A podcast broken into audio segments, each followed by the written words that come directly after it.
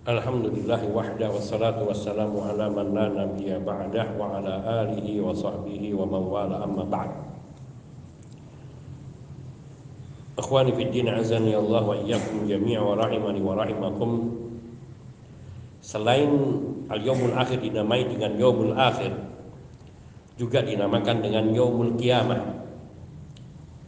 Kata al-qiyamah dari kata qama yaqumu dan dinamakan al-qiyamah liqiyamin nasi fihi li rabbihim. Karena pada hari itu manusia akan berdiri di hadapan Allah Azza wa Jalla. Sehingga dinamakan al-qiyamah. Juga dinamakan al-waqi'ah karena itu adalah peristiwa besar dalam kehidupan manusia dan kita semua akan mengalami masa itu. Di sini yang dituntut bagaimana kita bisa meresapi hari itu ketika nanti kita ada di sana. Menghayati bagaimana kondisi kita ketika dibangkitkan dari kubur kita. Dalam dalam keadaan seperti apa kita itu yang harus kita renungi dan kita khawatiri kita takuti. Al-haqah. Sesuatu yang hak yang pasti terjadi yang tidak bisa diingkar. Al-haqah. Al-qari'ah yaitu satu pukulan ketukan yang sangat keras. Pukulan yang keras ar-rajifah yang membuat hati itu kecil takut menggigil tubuh ketakutan Asahah teriakan yang sangat dahsyat. Yaitu teriakan sangkakala ketika manusia dibangkitkan dari kubur dan teriakan manusia ketika dalam ketakutan. Wal azifah al fazahul akbar yaumul hisab yaumuddin al wa'dul haq dan banyak lagi. Ada al ghasyiyah itu semua adalah salah satu bagian dari nama-nama kehidupan akhirat ataupun kiamat yaitu hari kebangkitan manusia dari kematiannya dari alam kubur. Semua nama-nama itu menunjuk kepada besarnya perkara kehidupan akhirat nanti. Wasyiddati wasyiddati haulih dan betapa mencekamnya hari itu. Kalau kita pernah merasakan hari yang mencekam ketika mungkin melihat geledek yang keras, hujan yang deras, kemudian lampu mati, kita dalam kecemasan, hujan turun turun dengan derasnya. Kecemasan itu belum seberapa dibandingkan dengan kecemasan ataupun ketakutan yang timbul pada hari kiamat nanti. Ketika hujan turun deras dengan kuatnya beledek yang tidak berhenti menyambang, kilat yang menerangi dengan sekejap namun ia mengeluarkan bunyi dan diiringi dengan hal-hal yang mengerikan. Kadang sampai banjir rumahnya dan terus naik. Manusia banyak kehilangan hartanya. Namun ketakutan hari itu belum seberapa dibandingkan nanti kita ketakutan padahal kita tidak punya harta. Karena kita dibangkitkan dalam keadaan hufatan, uratan, gullan, buhman, Hufat tidak memiliki pakaian pun ketika kita dibangkitkan.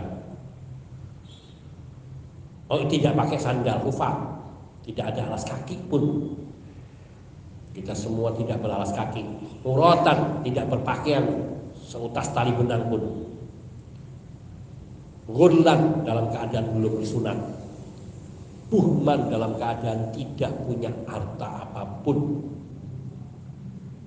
Meskipun dulu di dunianya orang miliarder triliuner yang bahkan memiliki tempat gudang yang luas yang isinya harta semua. Emas, perak, berlian, permata, uang, rupiah, eh, uang dan penuh. Namun itu semua ketika dia mati tidak akan ada yang di bawah satu-satu pun. Dan kelak ketika dibangkitkan di kiamat dia dalam keadaan telanjang. Tidak punya apa pun bahkan secari pakaian pun untuk menutupi dirinya pun tidak ada dia miliki. Maka sungguh itu adalah hari yang mengerikan. Dan kita ada di sana. Kita ada di sana. Seperti apa kondisi kita itu yang perlu kita prihatinkan dan yang bisa memberitakan tentang kehidupan akhirat dengan tepat dan benar hanya Allah dan Rasulnya Shallallahu Alaihi Wasallam maka kita wajib mempelajari dan mengetahuinya melalui kitab Allah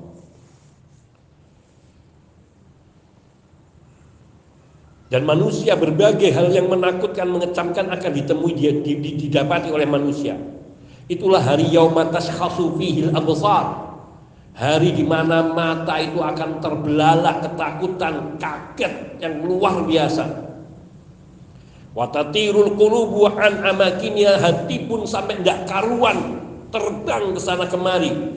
Ketakutan yang luar biasa seperti manusia yang ketakutan Ketika ada seorang sendirian di dalam rumah yang besar gelap, petir meledek yang begitu kuat, kemudian ada orang-orang di luar yang mengetok, yang tidak menunjukkan sikap sikap akrab atau sikap baik.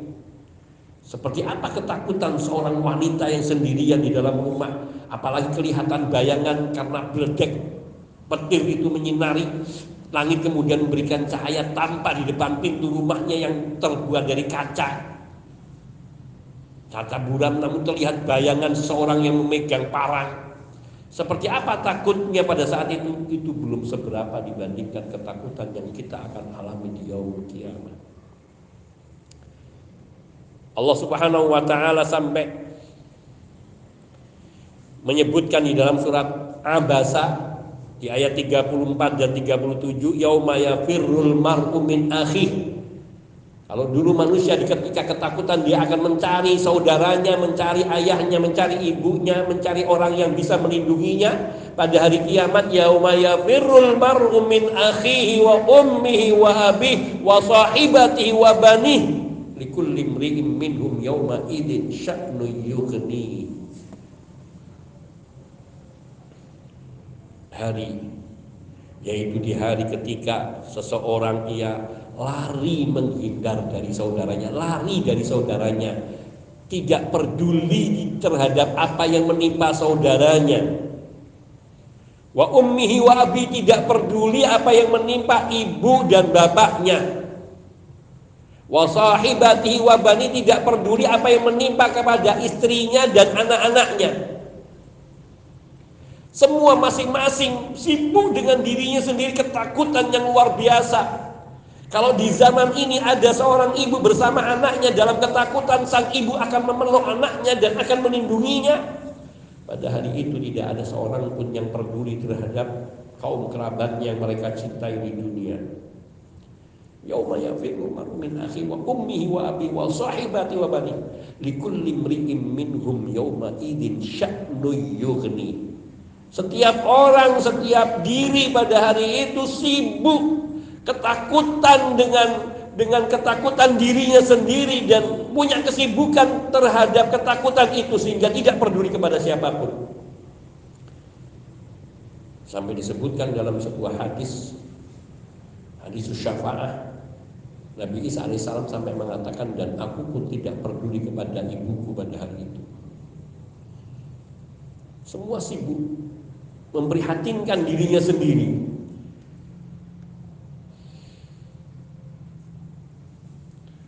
Masing-masing punya urusan yang menyebabkan ia tidak peduli kepada yang lainnya. Di dalam surat Al-Ma'arij ayat 8 sampai dengan ayat 14 Allah tabaraka wa taala juga berfirman Yauma takunu samau kal muhlim wa takunu jibalu kal ihni la yas'alu hamimun hamima yubassarunahum yawaddul mujrimu law yaftadi min adabi yaumin wa sahib uh, yubassarunahum yawaddul mujrimu law yaftadi min adabi yauma idin bi bani. Wa sahibatihi wa akhihi. Wa fasilatihi allati tuwih. Wa man fil ardi jami'an thumma yunji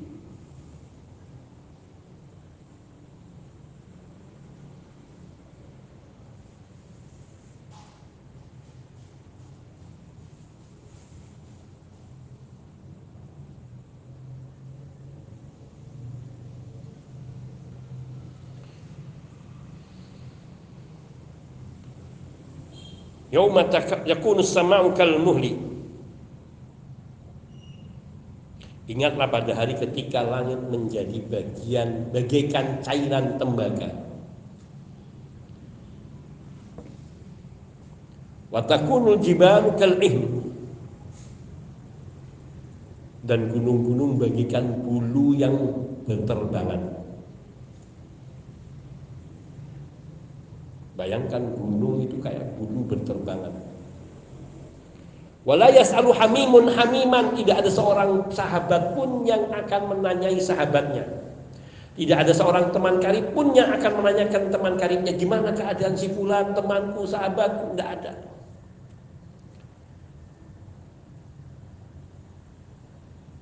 Yubasorunahum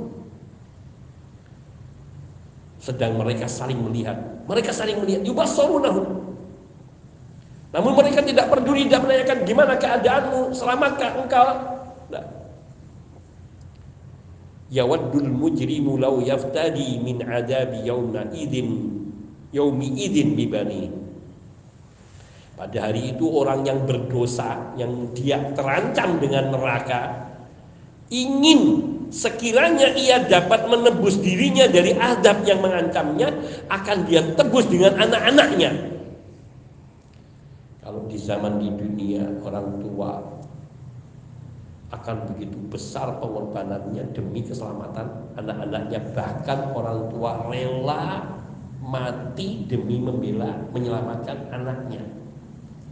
Tapi tidak nanti pada yaumul kiamah Seorang yang mujrim, yang pendosa, yang dia terancam dengan neraka, ketika melihat ancaman itu begitu nyata di depannya, sekiranya dia bisa menebus dirinya dari ancaman siksa itu dengan anak-anaknya akan dia lakukan. Wa sahibatihi wa akhi. Demikian pula Sekiranya itu kurang anak-anaknya belum cukup untuk menebusnya akan dia tambahkan dengan istri dan saudaranya. Wa fasilatihi tuwi dan dia akan tebus dirinya supaya selamat dari neraka dengan keluarga yang melindunginya ketika di dunia. Wa fasilatihi tuwi wa man fil ardi jami'an juga dia akan tebus dirinya dengan seluruh penghuni bumi dan mengharapkan dengan tebusan itu dia selamat dari ancaman siksa neraka. Satu penggambaran, satu ilustrasi oleh Allah Subhanahu wa taala yang sangat nyata jelas betapa dahsyat dan mengerikannya hari itu. Bayangkan yang di dunia kita ini selalu peduli kepada kerabat, teman, anak. Sehingga seseorang dia akan berdiri di depan anak-anaknya untuk melindungi anak-anaknya dari maya, marah bahaya yang mengancamnya. Ketika ada banjir bandang dia akan memegangi anaknya dan dia bergelantung dengan apa pun dan berusaha mengeluarkan anaknya terlebih dahulu supaya selamat. Meskipun dia mungkin akan tenggelam terbawa oleh arus air yang begitu deras dan tidak peduli namun hal itu tidak akan dia lakukan ketika dia terancam dengan api neraka. Ini hari yang mengerikan yang akan terjadi menimpa pada manusia di yaum kiamat. Orang-orang yang berbuat dosa sewenang-wenang di dunia ini sekarang ini belum yang tidak beriman, tidak percaya, belum merasakan bahaya itu dan takut itu. Namun ketika melihat kedahsyatan siksa neraka, ia ingin sekiranya ia bisa dikembalikan hidup. Meskipun untuk waktu yang sangat sebentar bukan untuk bisa menikmati kehidupan dunia namun dia ingin memanfaatkan sisa hidup yang diberikan oleh Allah untuk mentaati Allah untuk beriman kepada Allah menjalankan perintah-perintah Allah dan tidak peduli dengan sebuah kekayaan jabatan kedudukan pujian dan segala yang selama ini membuai diri mereka. Namun saya orang yang sudah mati tidak akan bisa kembali hidup kembali hidup di dunia untuk memperbaiki apa yang sudah terlewatkan. Ada kisah yang menarik tentang hal ini. Al Hasan Al Basri rahimahullah taala ketika beliau menghadiri pemakaman jenazah saudara temannya, saudara sahabatnya. Setelah selesai pemakaman maka Al Hasan Basri rahimahullah taala beliau bertanya kepada sahabatnya, wahai wahai saudaraku, wahai sahabatku, apa menurutmu kira-kira ketika seandainya saudaramu ini diberi kesempatan hidup oleh Allah? Dihidupkan kembali apa yang kira-kira akan dia lakukan spontan sahabat Imam Al Hasan Basri mengatakan tentu dia akan gunakan untuk beribadah kepada Allah semaksimal yang dapat dia lakukan dia akan bersodakoh dia akan ber, ber, beramal soleh dan segala ketaatan akan dia lakukan. Kata Allah Hasan Basri, benar. Itu yang akan dia lakukan. Namun dia tidak bisa lagi. Namun sudah tidak mungkin lagi dia melakukan itu dan mendapatkan kesempatan itu. Dia sudah berakhir. Ingkoto amal. Namun kita, kau dan aku masih punya waktu ada kesempatan untuk melakukan amal soleh itu. Maknanya apa? Bahwa kita yang diberi kehidupan, kehidupan yang ada ini merupakan kehidupan yang sangat berharga bagi diri kita. Bila kita mampu menggunakannya dengan sebaik-baiknya. Duhai sekiranya kita bisa mengisi dari setiap waktu luang kita dalam aktivitas kita juga yaitu untuk selalu beristighfar selain kita menjaga tauhid mengamalkan sunnah meninggalkan kemaksiatan menjauhi kebid'ahan kesyirikan kekufuran kemunafikan dan memperbanyak amal soleh serta mengisi waktu-waktu kita dengan banyak beristighfar. Astagfirullahaladzim. Namun kalimat yang begitu ringan dan mudah sangat sulit diamalkan oleh kita.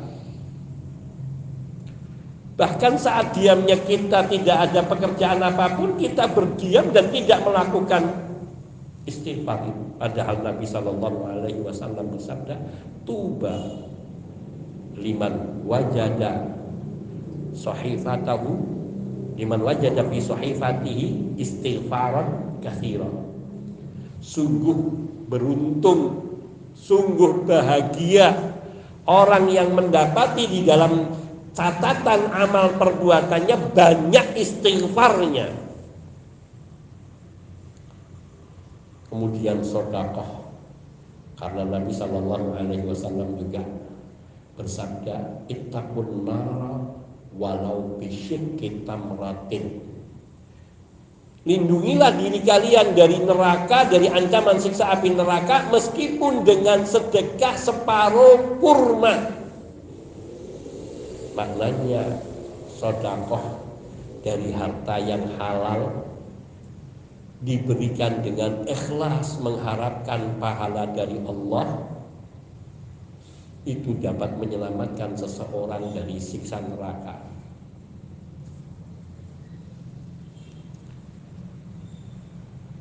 Sebuah hadis Nabi Shallallahu Alaihi Wasallam yang sahih, yang sungguh kita telah mengenalnya dan mengetahuinya.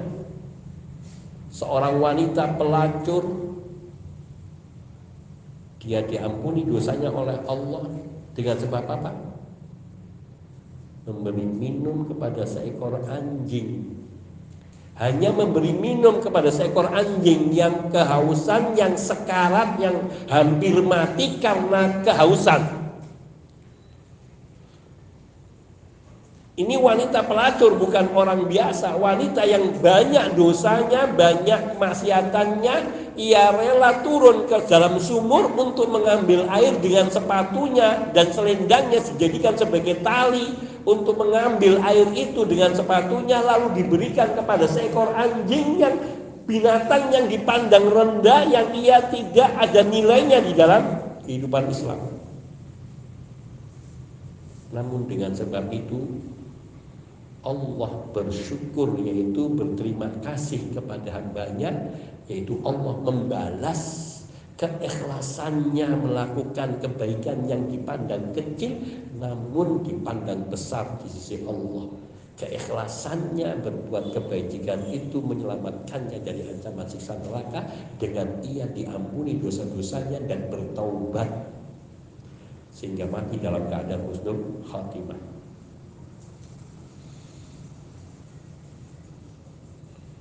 Maka sungguh beriman kepada yomul akhir akan mendorong manusia untuk beramal dan mempersiapkan diri.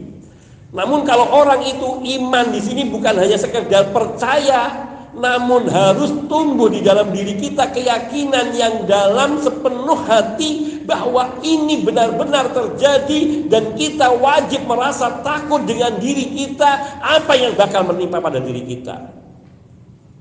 Sehingga hal yang demikian ini akan mendorong kita beramal soleh. Bertaubat, meminta ampun kepada Allah, memperbaiki diri kita. Beramal dengan ilmu yang benar. Allah Tabaraka wa Ta'ala berfirman dalam surah Al-Kahfi ayat 110. Faman kana yarju liqa'a rabbih falyamal amalan salihan wala yusyrik bi ibadati rabbih ahada. Barang siapa yang mengharapkan perjumpaannya dengan Rabbnya, dengan Tuhannya. Yakni dalam keadaan Allah ridho dan diridhoi. Dia ridho kepada Allah dan Allah ridho kepadanya. Fal ya'mal amalan solihan maka hendaknya ia beramal dengan amalan soleh mengerjakan amal soleh. Yaitu amalan yang dia lakukan itu mengikuti tuntunan Rasul Shallallahu Alaihi Wasallam dan petunjuk Allah dan Sunnah Nabi wala yusyrik bi ibadati rabbi ahada dan tidak mempersekutukan atau tidak membuat sekutu di dalam beribadah kepada Allah Subhanahu wa taala Rabbnya. Tidak mempersekutukan seseorang pun sesuatu pun di dalam itu ia beribadah kepada Allah Rabbnya. Maknanya beramal soleh dan ikhlas amalannya karena Allah semata. Tidak mengharapkan selain dari Allah.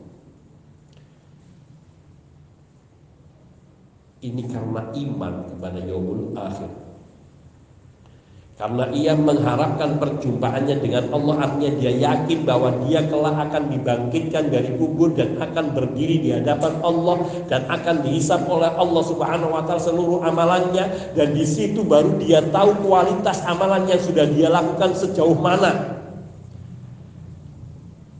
Perimbangan antara amal soleh dan amal amal toleh Allah juga berfirman dalam Al-Baqarah ayat 45 46 Wasta'inu bisabri wassalati wa innaha lakabiratun illa 'alal khashi'in alladzina yadhunnuna annahum mulaqu rabbihim wa annahum ilaihi raji'un. Wasta'inu bisabri wassalat jadikanlah sabar dan salat sebagai penolongmu.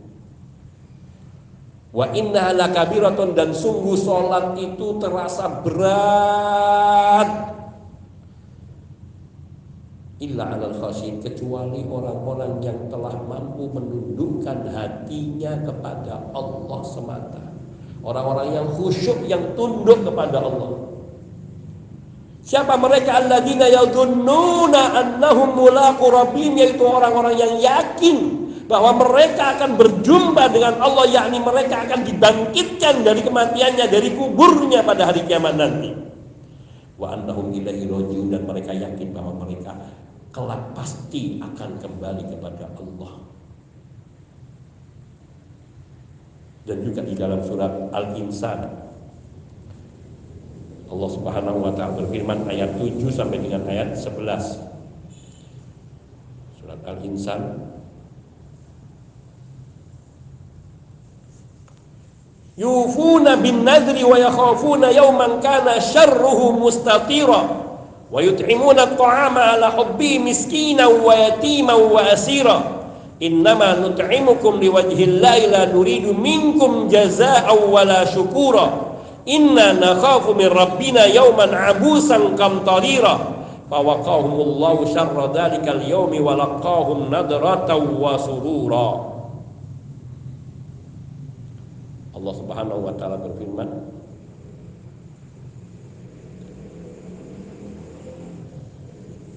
Yufuna bin nadri. Mereka memenuhi nadar. Wa yakhafuna yawman kana syarru mustatira. Dan mereka takut akan suatu hari yang azabnya nanti merata di mana-mana. Wa yut'imuna at'ama ala hubbi. Mereka memberikan makanan yang paling mereka cintai kepada orang-orang miskin wa yut'imuna at'ama ala hubbi mereka memberikan makanan yang mereka sukai bukan makanan bekas. Ngajak makan ke makanan yang istimewa yang biasa dia makan. Miskinan orang miskin, wa yatiman anak yatim, wa asiro dan orang-orang yang berada dalam tawanan. Diberikan makanan yang baik. Sembari mengatakan dalam hatinya, Innama nut'imukum liwajhillah. Sungguhnya kami memberi makan kepada kalian semata-mata karena mengharapkan ridho Allah, wajah Allah. La nuridu minkum jazaan. Kami tidak menginginkan balasan apa pun dari kami memberi makan kepada kalian. Wala syukuro dan kami juga tidak mengharapkan ucapan terima kasih kalian. Maknanya ia tidak mengharapkan balasan apa pun dari kebaikan yang dia lakukan dengan memberi makan itu. Innama inna nakhafu min rabbina yauman abusan qamtarira Sungguhnya kami takut akan azab Allah pada hari ketika orang-orang yang berwajah masam penuh kesulitan. Yauman abusan kamtarira. Orang yang berwajah masam penuh kesulitan, yakni berwajah wasam itu dari kesedihan, ketakutan yang luar biasa yang meliputi dirinya. Karena itu adalah hari yang sulit. Fawaqahumullahu syarra Orang-orang yang berbuat ikhlas, yang beriman seperti itu mereka akan dilindungi oleh Allah dari kesusahan hari kiamat nanti itu. Ini balasan buat orang-orang yang berbuat kebajikan di dunia. Fawaqahumullahu syarra dzalikal Allah akan melindungi mereka dari keburukan kesulitan pada hari itu walaqahum nadrata wa surura dan Allah akan memberikan kepada mereka keceriaan dan kegembiraan. Inilah kehidupan akhirat yang pasti akan dilalui oleh setiap insan yang pernah hidup di muka bumi ini meskipun hanya satu detik. Bahkan mereka yang gugur yang sudah ditiupkan nyawanya. Namun ada yang mereka selamat dan ada pula mereka yang celaka. Waliyadzubillah. Mudah-mudahan kita semua termasuk orang-orang yang diselamatkan oleh Allah Azza wa Jalla dari kengerian pada hari kiamat nanti. Karena itulah akhir dari tujuan semua hidup kita di dunia yaitu di dunia kita menghambakan diri kepada Allah dalam harapan agar kita selamat dari ancaman siksa neraka dan mendapatkan keselamatan kehidupan akhirat. Hadza minni wal afu minkum wa sallallahu wa sallam ala nabiyyina Muhammadin wa alihi wa sahbihi ajma'in walhamdulillahi rabbil alamin subhanakallahumma bihamdika asyhadu an la ilaha illa anta astaghfiruka wa atubu ilaik. Assalamualaikum warahmatullahi wabarakatuh.